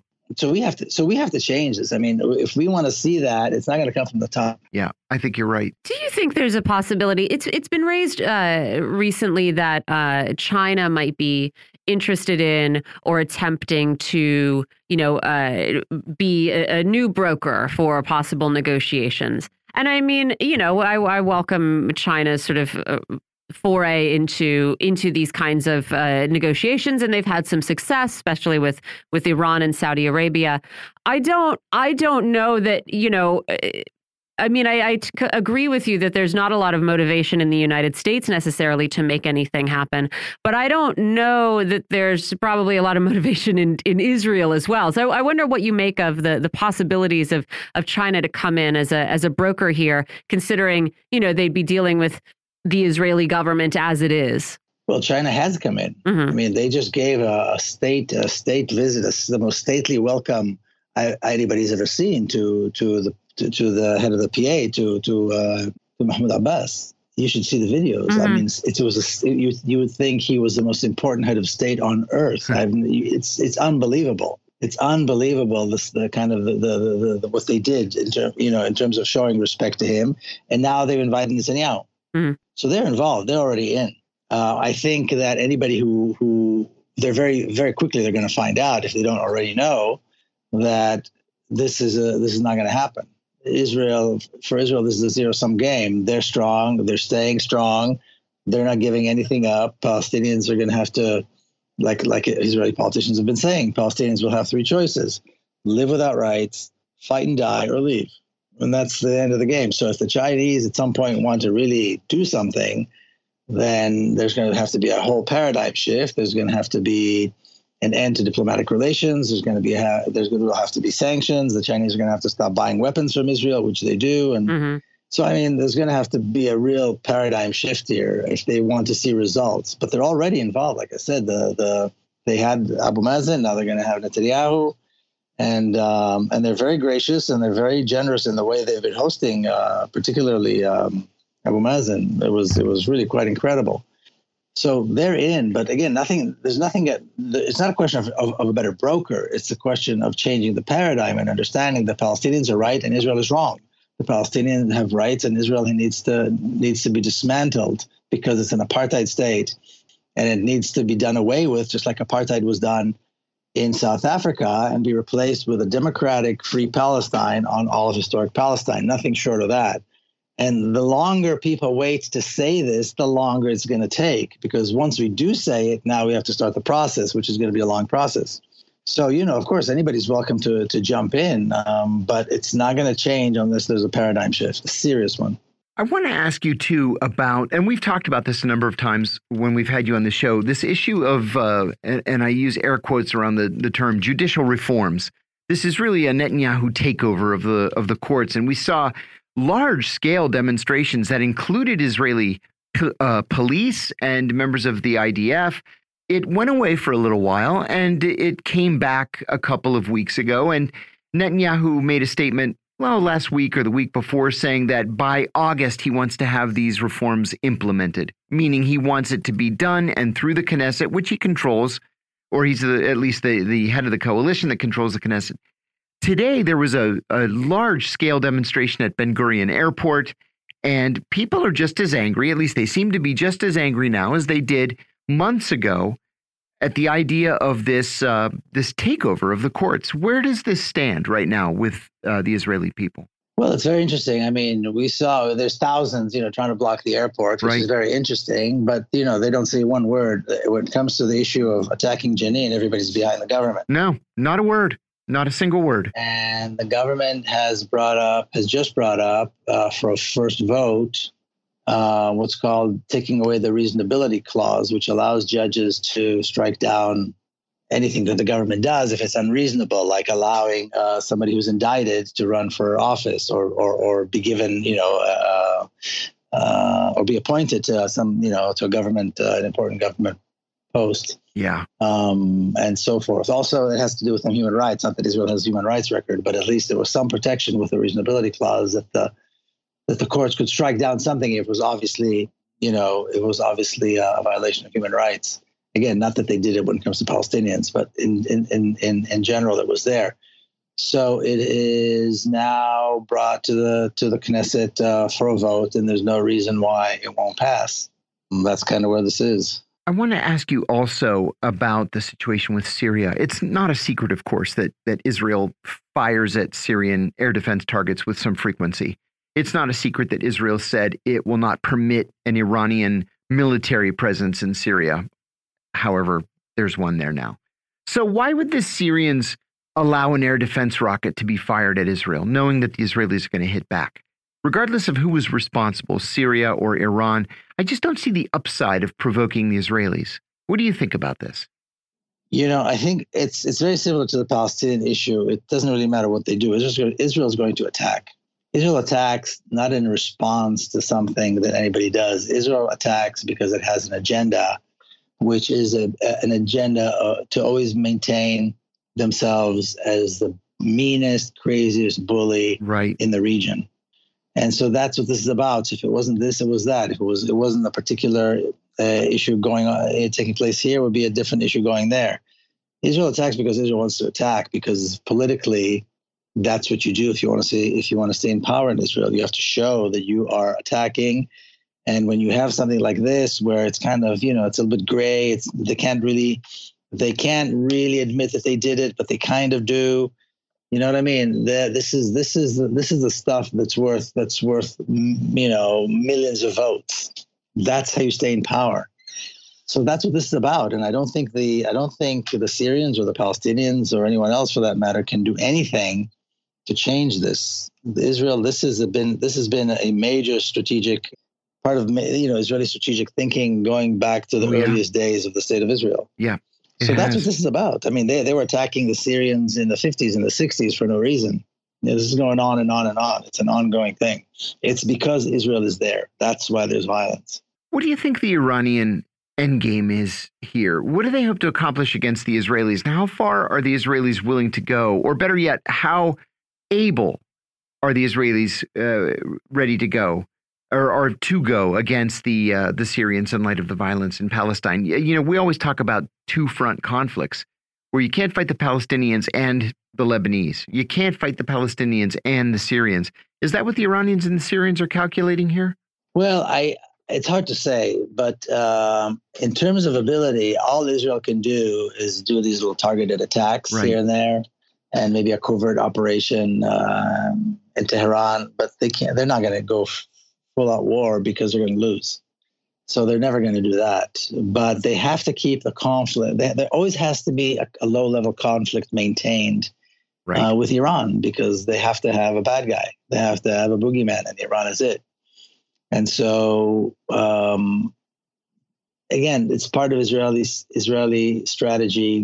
Go, you know, from the very beginning even when Israel was still doing business and and, and conducting trade with the with the Islamic uh, with the Islamic Republic of Iran after the Shah was was taken down, they were all they were all they, you know they were talking about you know this this villain this enemy and so on and so forth. It's a, it's a strategy strategy that works, and so they're never going to go to war. They're going there's no way Israel can Israel look, look how many, look how much force Israel has to bring into one Palestinian city that has a handful of fighters that don't have nearly the kind of support logistically or resources or weapons that Israel has. Not, not even not even by a long shot, not even a fraction of a percent. Right. And look how many forces they have to bring in to to to to to to one one Palestinian city you know, because yes. the, fight, Israeli fighters are no good. Israeli fighters can't can't do the job, and Israel knows it. And so, imagine a full scale war. It's never going to happen. Yeah. But they will continue doing this because low level conflict is good for America. Low level conflict is good for Israel, and uh, nobody really cares if you know civilians die. If if if this disrupts the stability of other countries, nobody really cares about that. Right. But imagine a conflict that's in Jenin and Nablus and Gaza all at the same time. And then you have to worry about the Syrians, the Lebanese, Hezbollah. It, it's, yeah, things are not looking good right now. Yeah, it's it's not. That's that's uh, that's Israel's greatest fear, and I think that's that's why we have, and that's why the United States just appointed a uh, a new envoy to uh, to pressure countries that haven't joined the Abraham Accords to join the Abraham Accords because it's precise, precisely what they want to avoid. They want more Arab and, and Muslim countries to normalize relations with Israel. Yes. So so the Biden administration now has a special ambassador to do to become to be Israel's agent to force other countries that don't want to have relations with Israel to do so anyway.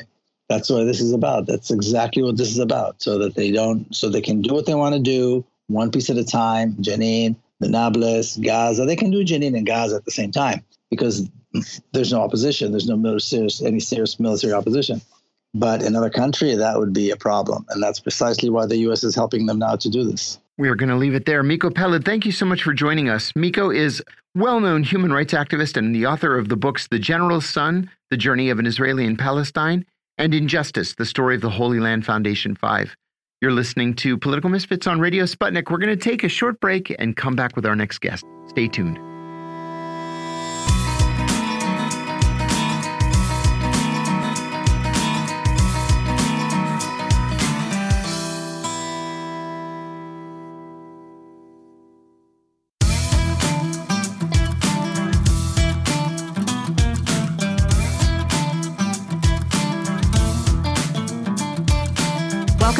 Political Misfits on Radio Sputnik, where we bring you news, politics, and culture without the red and blue treatment.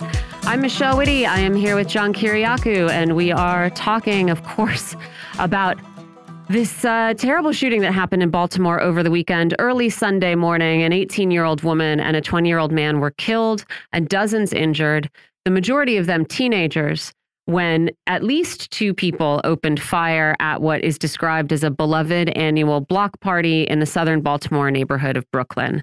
From what is being reported, police are looking for at least two shooters, although, uh, as of this morning at least, they hadn't determined yet just how many people took part in this attack. They also, again, as of a couple hours ago, hadn't said yet whether any of the victims were targeted specifically. Um, this event has happened as as the nation and Baltimore in particular seem to be experiencing a surge in gun violence directed toward and perpetrated by teenagers. And so we are going to talk about what is happening in Baltimore and elsewhere. We're going to talk about what uh, police and city officials are offering as solutions and, and what communities are asking for. We're joined by the vice president of the Maryland NAACP, Joshua Harris. Thanks for joining us, Joshua. For having me, Michelle. Can you talk to us first just about about this neighborhood and this party? Because it feels like if if this is a well-known event, these shooters must have known that they would be firing at a bunch of teenagers. Yeah, um, so the where it actually occurred is a community called Brooklyn Homes, which is a public housing community, uh, and this is an annual event that occurs each year. Uh, and so I can only assume um, that they knew that it would be mostly community and mostly teenagers. Uh, one of the events used to garner to kind of keep um, teenagers out of trouble. Uh, mm-hmm. Uh, and busy as the summer um, begins to take place. Um, Baltimore is known for doing uh, block parties all summer long to kind of engage the youth uh, and give them things to do. And so this wasn't one of the city sponsored ones, but it's an annual block party that occurs uh, in this community in South Baltimore. There was a, I mean, there's been multiple stories on what happened. A particular CNN story on the shooting quoted a woman who's lived in the neighborhood for 30 years as saying that gun violence has has reached a breaking point. Uh, but the Baltimore Banner and some other outlets are pointing out that actually, at least as of this spring, gun homicides and non fatal gun injuries are slightly down overall from previous years. Although I think it's also like seven years in a row that there have been more than 300 murders in, in Baltimore using guns. So, you know, this, this downtick may not be very significant. What does seem to be significant is that though these overall numbers are a little bit down, uh, gun violence affecting teenagers is up. There were 84 gunshot victims aged 17 and under in Baltimore last year. That was a record. Uh, this is also part of a, a nationwide trend. The other thing that was interesting is that very few, I mean, I guess we can be relieved at this, very few of these gunshot victims are under the age of 12. So this is a phenomenon among teenagers which is maybe reflected in how much of this violence is is perpetrated at or near schools. Uh, back in February, the Banner reported that a quarter of the city's gunshot victims who were 18 and under were shot near a school during the day during the academic year, which started in September. And I wanted to ask you about this. You know, why why is it that we are seeing an increase both locally and nationally of this gun violence among among teenagers in particular? Yeah, no, absolutely. That's really a great point to bring up, Michelle. One thing that I also want to mention is that um, this issue of violence is not a new one in Baltimore. Mm-hmm. We've seen 300 homicides in the city as early as 1974, and it's hovered between 250 and 300 since. Uh, though we've seen a consistent 300 for the last several years, the issue is not a new one. Yeah. And we really can't have the conversation about the increase in gun violence or even particularly the increase in gun violence around youth if we're not talking about the increase in the poverty and the poverty gap that mm-hmm. exists.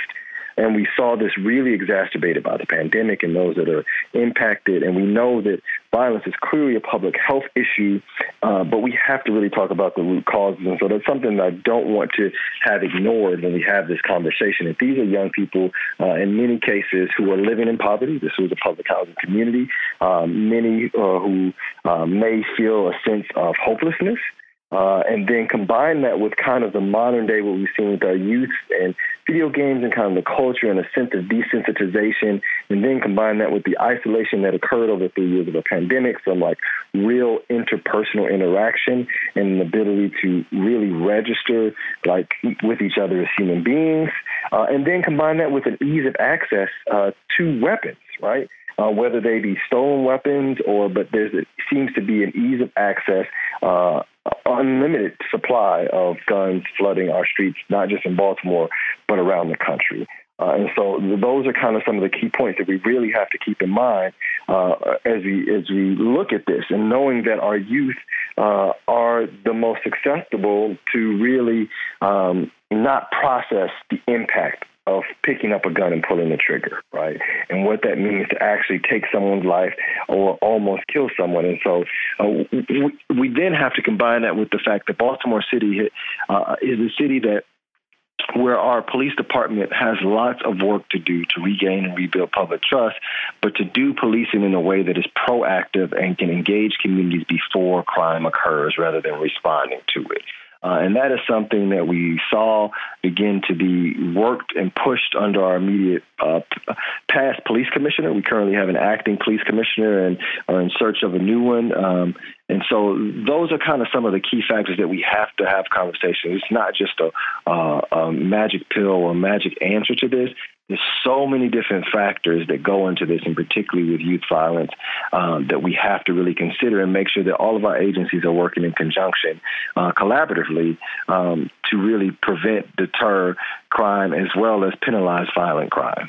It does feel like the the things that will help mitigate violent crime across the board, which, as you say, is not a new problem in Baltimore, uh, are the same things that will help uh, address, uh, mitigate, preempt uh, violence among young people, right? And there's things I can think. Of course, you talk about poverty, right? Poverty, uh, of course, uh, is correlated with violence, right? Mental health issues. Uh, uh, you know, the, there's been a lot of sort of speculation as to how young people were affected by the pandemic, how they're affected by this.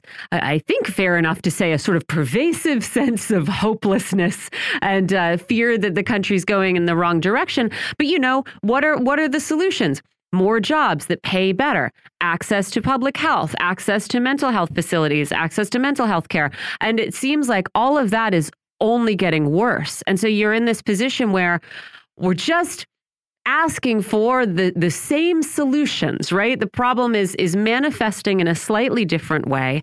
These are still the things that we've identified as, uh, you know, as uh, things that can help you know, prevent these issues before they arise. And yet instead you know uh, we're, we're, getting i don't know if anything maybe more aggressive policing. And so I, I wanted to sort of ask you about that right? I mean we've at the same time we're seeing stories about about mass shootings like these. We are seeing stories about a mental health crisis among young people and about a shortage just a flat shortage of uh, mental health practitioners, and then of course the the limitations imposed by our public healthcare system that make it almost unaffor unaffordable to anybody who's not making quite a bit of money. Yeah, yeah, no, that's that's definitely an issue in being able to having uh, the capacity and um, resources um, to provide mental health resources. We forget that really to even have a conversation about having mental health evaluation, really understanding your mental health, you have to have insurance. Yeah right? Uh, and if you don't have that, then you're that's not even a factor for you. Uh, to begin to have those conversations. You're just surviving. Uh, and so that is a, a, real concern and a real issue. And then making sure that we have police that are, are trained as well to kind of mitigate and diffuse these uh, issues where we may have individuals who are dealing with mental health episodes. Uh, but I really want to get to the part when we talk about increase policing, I think that it's important for us to acknowledge that we have not really seen uh, an effort in preventive policing. And that means officers engaging with communities, being present in communities before things happen, before violent crime occurs, knowing who Miss Walker may be down the street, knowing who's a part of the community, knowing the young people in that community, and having a relationship to be able to have those conversations before something occurs uh, rather than just showing up with the silence after something occurs. Uh, uh, that is really what we look at when we talk about community policing and how it can be preventive uh, instead of re- reactionary. And that's something that's key.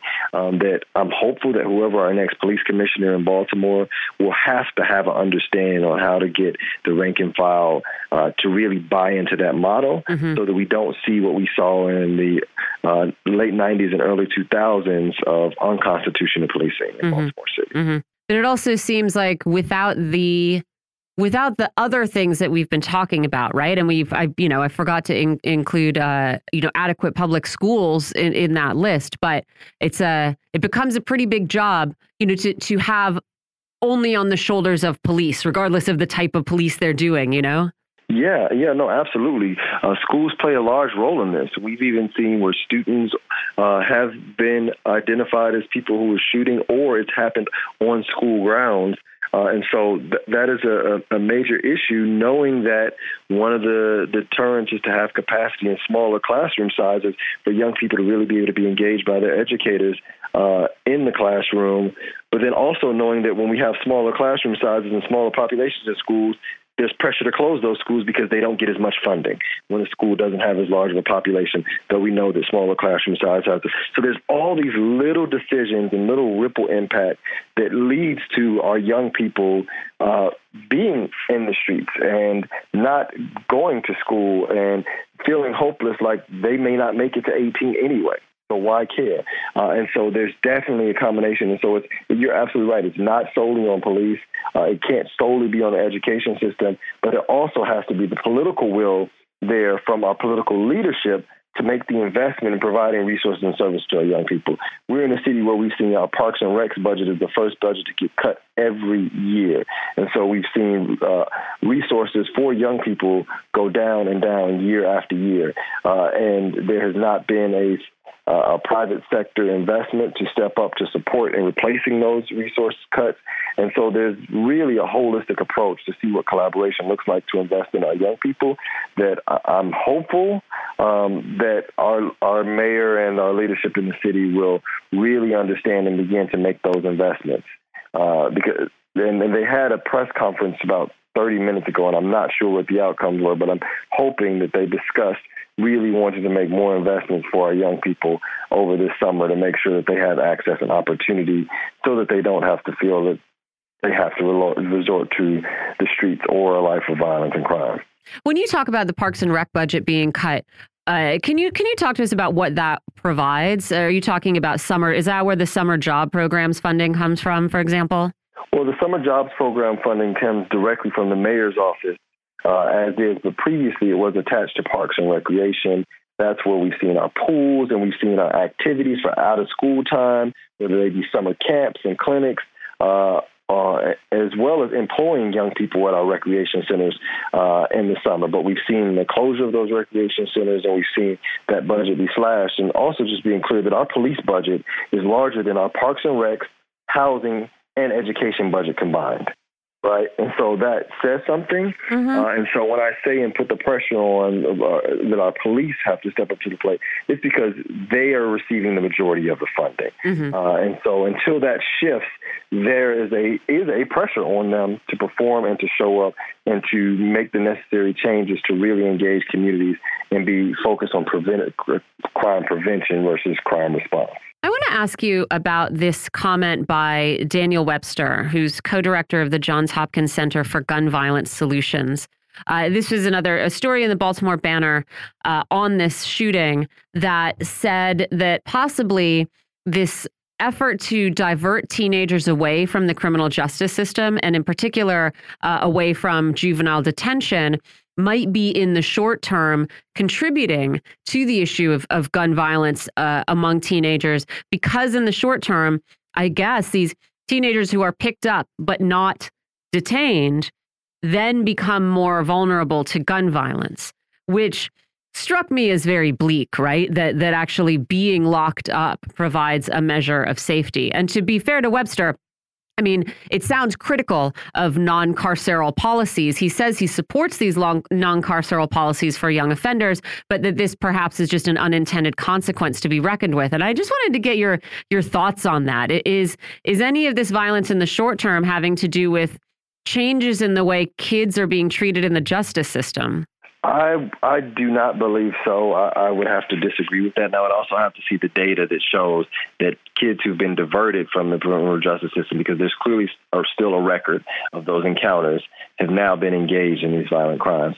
I also think it's important to really um, understand that that would be true possibly if our criminal justice system was one that focused on rehabilitation and making sure that individuals come back home and are released into society uh, in a better situation than when they were incarcerated. What we know is that our criminal justice system is strictly punitive. And it does not make you a better person. In many cases, it in fact makes you a worse person because you have to survive and scrape, and it's even worse inside of our jails um, than it is outside. Uh, and so, if we had criminal justice system that focused on reform, and providing access and opportunity for individuals to thrive upon release uh, after their incarceration, uh, I could see that being held true as well. And as I saw data that showed a direct correlation to individuals who've been diverted away from the system now being uh, involved in the system. And so that's a really audacious statement to be made. Mm. Um, and I'd say that in God we trust, but everyone else brings data. Uh, I'm sure that there's data on that and to monitor and see who's been engaged and who we've picked up for these types of violent crimes and violent offenses. I also want to ask if there are uh, examples of, of places that are avoiding this kind of trend in youth gun violence or finding ways to mitigate it. Are there places that Baltimore neighborhoods are, are looking to for, uh, you know, in, inspiration to to try to get ahead of this problem? I don't know. We, the, the, the big success that we've been working to try to get funding uh, for more funding for is our program called Safe Streets, where we take ex offenders and have put them into communities to do violence divergent, uh, uh, divergence, as well as um, uh, conflict mediation and conflict resolution. Uh, and we've seen lots of success, and there's lots of data that's been documented on them diffusing situations uh, and being able to mitigate encounters and reduce violence in communities that they've been put in. The problem is that we have not seen enough funding to really place them in all of the communities necessary to really um, have a citywide impact the way we'd like to see. So we've worked with other programs, um, but and I think maybe the the way to do it is for us to begin to looking and really reframe how we look at this violence and understand that it is a public health issue mm-hmm. and begin to pursue federal opportunities to address a public health issue such as violence. Yeah, I mean because the, these programs of uh, ex offenders coming out and becoming violent interrupters, they all you can't have a, a whole system that rests on extraordinary individuals, you know, because I think it would take a, a pretty extraordinary individual to have, you know, committed a crime, been incarcerated, come out the other end of that system not uh, made more uh, damaged, right? And uh, and and angry and violent, but to have come out deciding that you're going to try and make a change. I mean, that's you know, what if we what if people didn't have to be extraordinary to just have a decent life you know and so i do i think these uh these programs are great but man uh, how many people can we rely on to to have that strength of will and again wouldn't it be better if you could just maybe get some therapy as a kid yeah, I mean that would be that'll be really great. I think that uh, therapy and the access to it is tremendous. I mean, here in Baltimore City, we have uh, a a director of or a, a, commissioner of our health department, but we have an entire city school system, and there's not a individual who's in charge of overseeing the health and wellness of our city school students. There is not a position that exists, and that is something that needs to change. Wow. Um, and particularly if we had someone in that position, someone who would be thinking about providing resources for the mental health and wellness of our young people would be critical uh, to creating a change in the city. Mm-hmm. That was Joshua Harris. He's vice president of the Maryland NAACP. Thank you so much for joining us. We really appreciate it.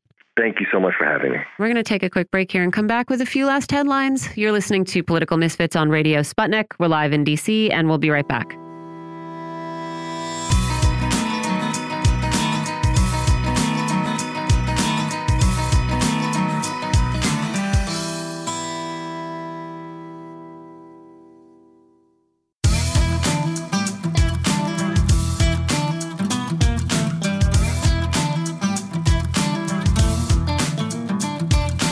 Welcome back to Political Misfits on Radio Sputnik, where we bring you news, politics, and culture without the red and blue treatment.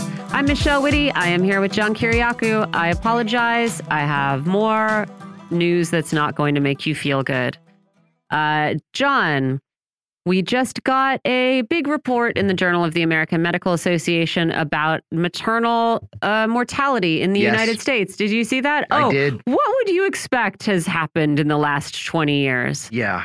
Well, in any other normal country, uh, mortality would have decreased as our methods get better, our medicine gets better, our techniques get better. But that's Science not and what medicine, happened. march ahead, et cetera, et cetera. But oh, the number of women who died within a year after pregnancy in the United States in the last 20 years, so that's between 1999 and 2019, it's more than doubled.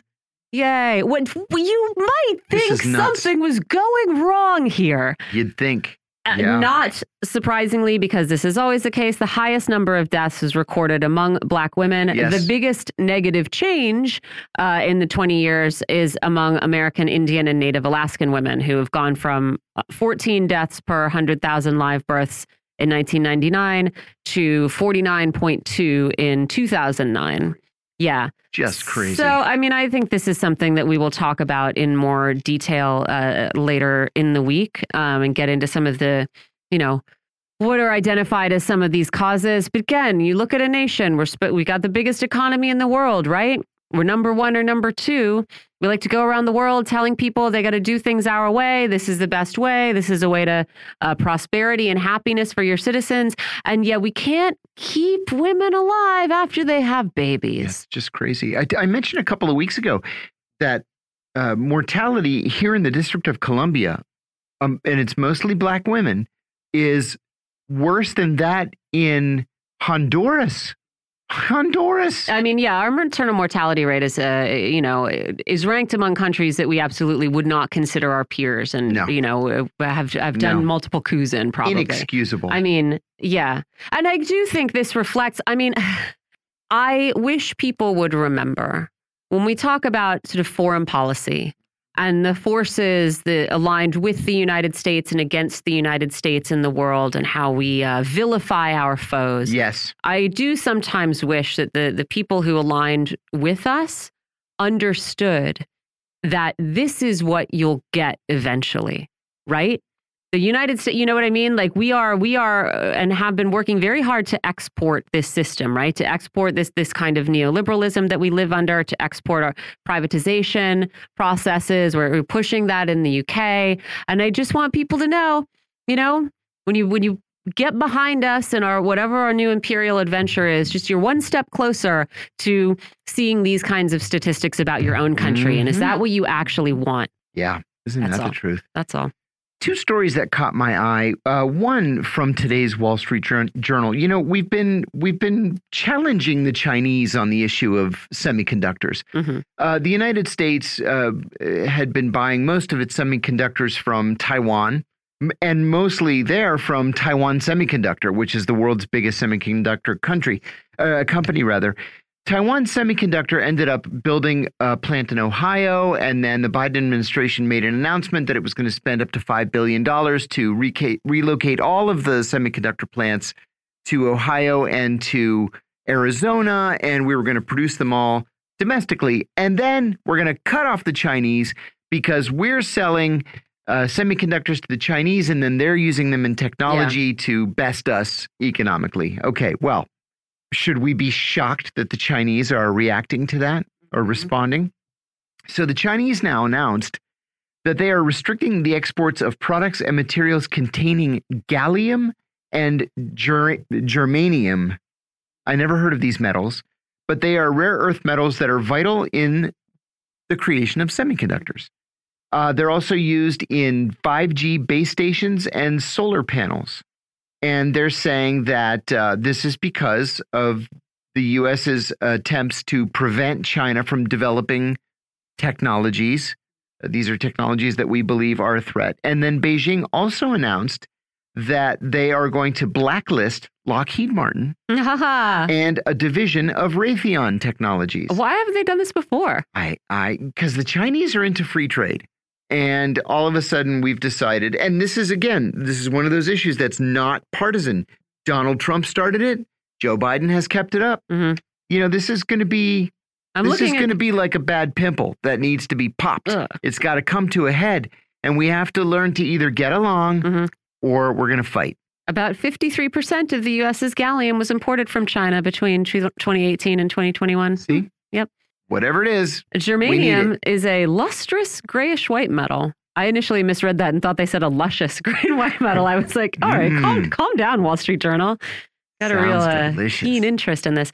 Uh, yeah, I also have to wonder. I mean, again, you know, we talk we talk to a lot of people who are very supportive of efforts to, you know, re revitalize uh, U.S. manufacturing sector, reindustrialize the United States, uh, which I think in theory would be good, right? Have good paying jobs for people in, in communities, you know, your kids don't have to leave. Terrific, terrific. yes. I do wonder if Joe Biden's projects are going to fare any better than Donald Trump's projects on the same line. America First, we're bringing back manufacturing. We had this big Foxconn plant Yep.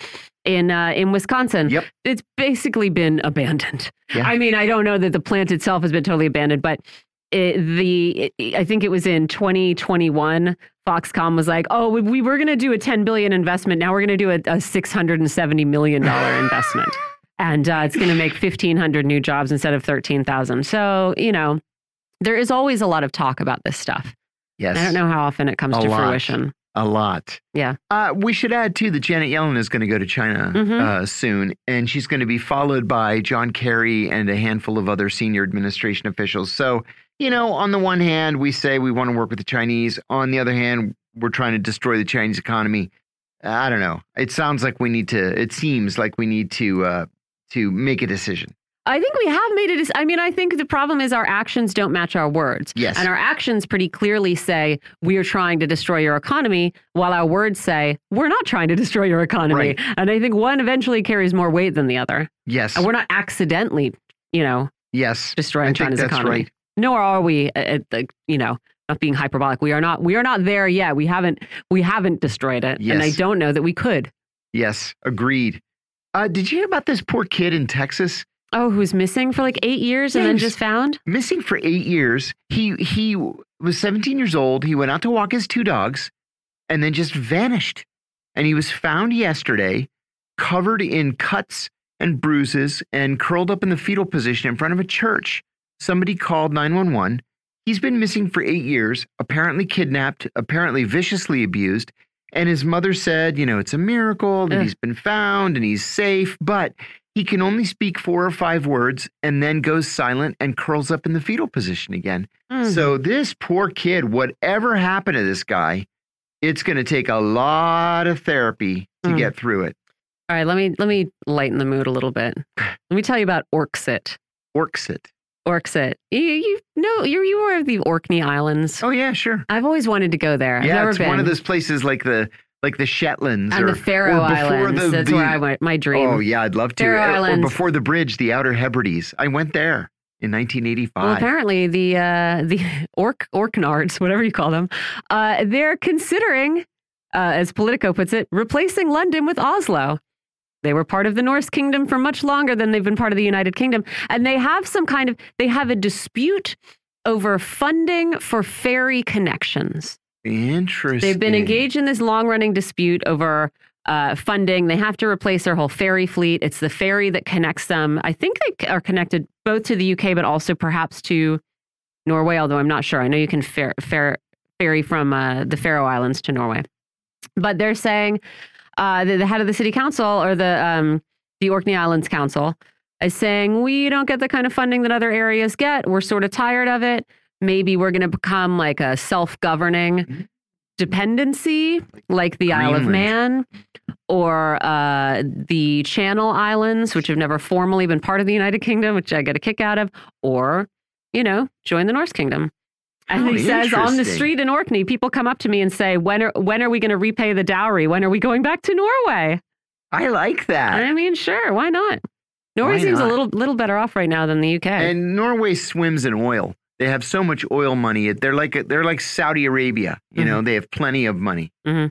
Yeah, that's good. Good. I hope it works out for them. yeah, me too. That's, Kind of fun. funny. Let's follow that story. Yeah. Uh, one last thing Mario Vargas Llosa, the Nobel Prize winning novelist, the poet, has been hospitalized with COVID 19. Oh, no. Uh, he's not a spring chicken. He's No. 87 years old. Uh, and uh, it says that he's in kind of bad shape in uh, in Madrid. I hope that he can pull through. Hmm. Yeah. Speaking of not spring chickens, apparently Mick Jagger's getting married again to a 36 year old. I mean, this is what the Daily Mail tells me, so we'll see. We'll we'll get back to that on Wednesday. We're going to be off tomorrow. Thanks for listening, everybody. Happy Fourth of July. See you Wednesday.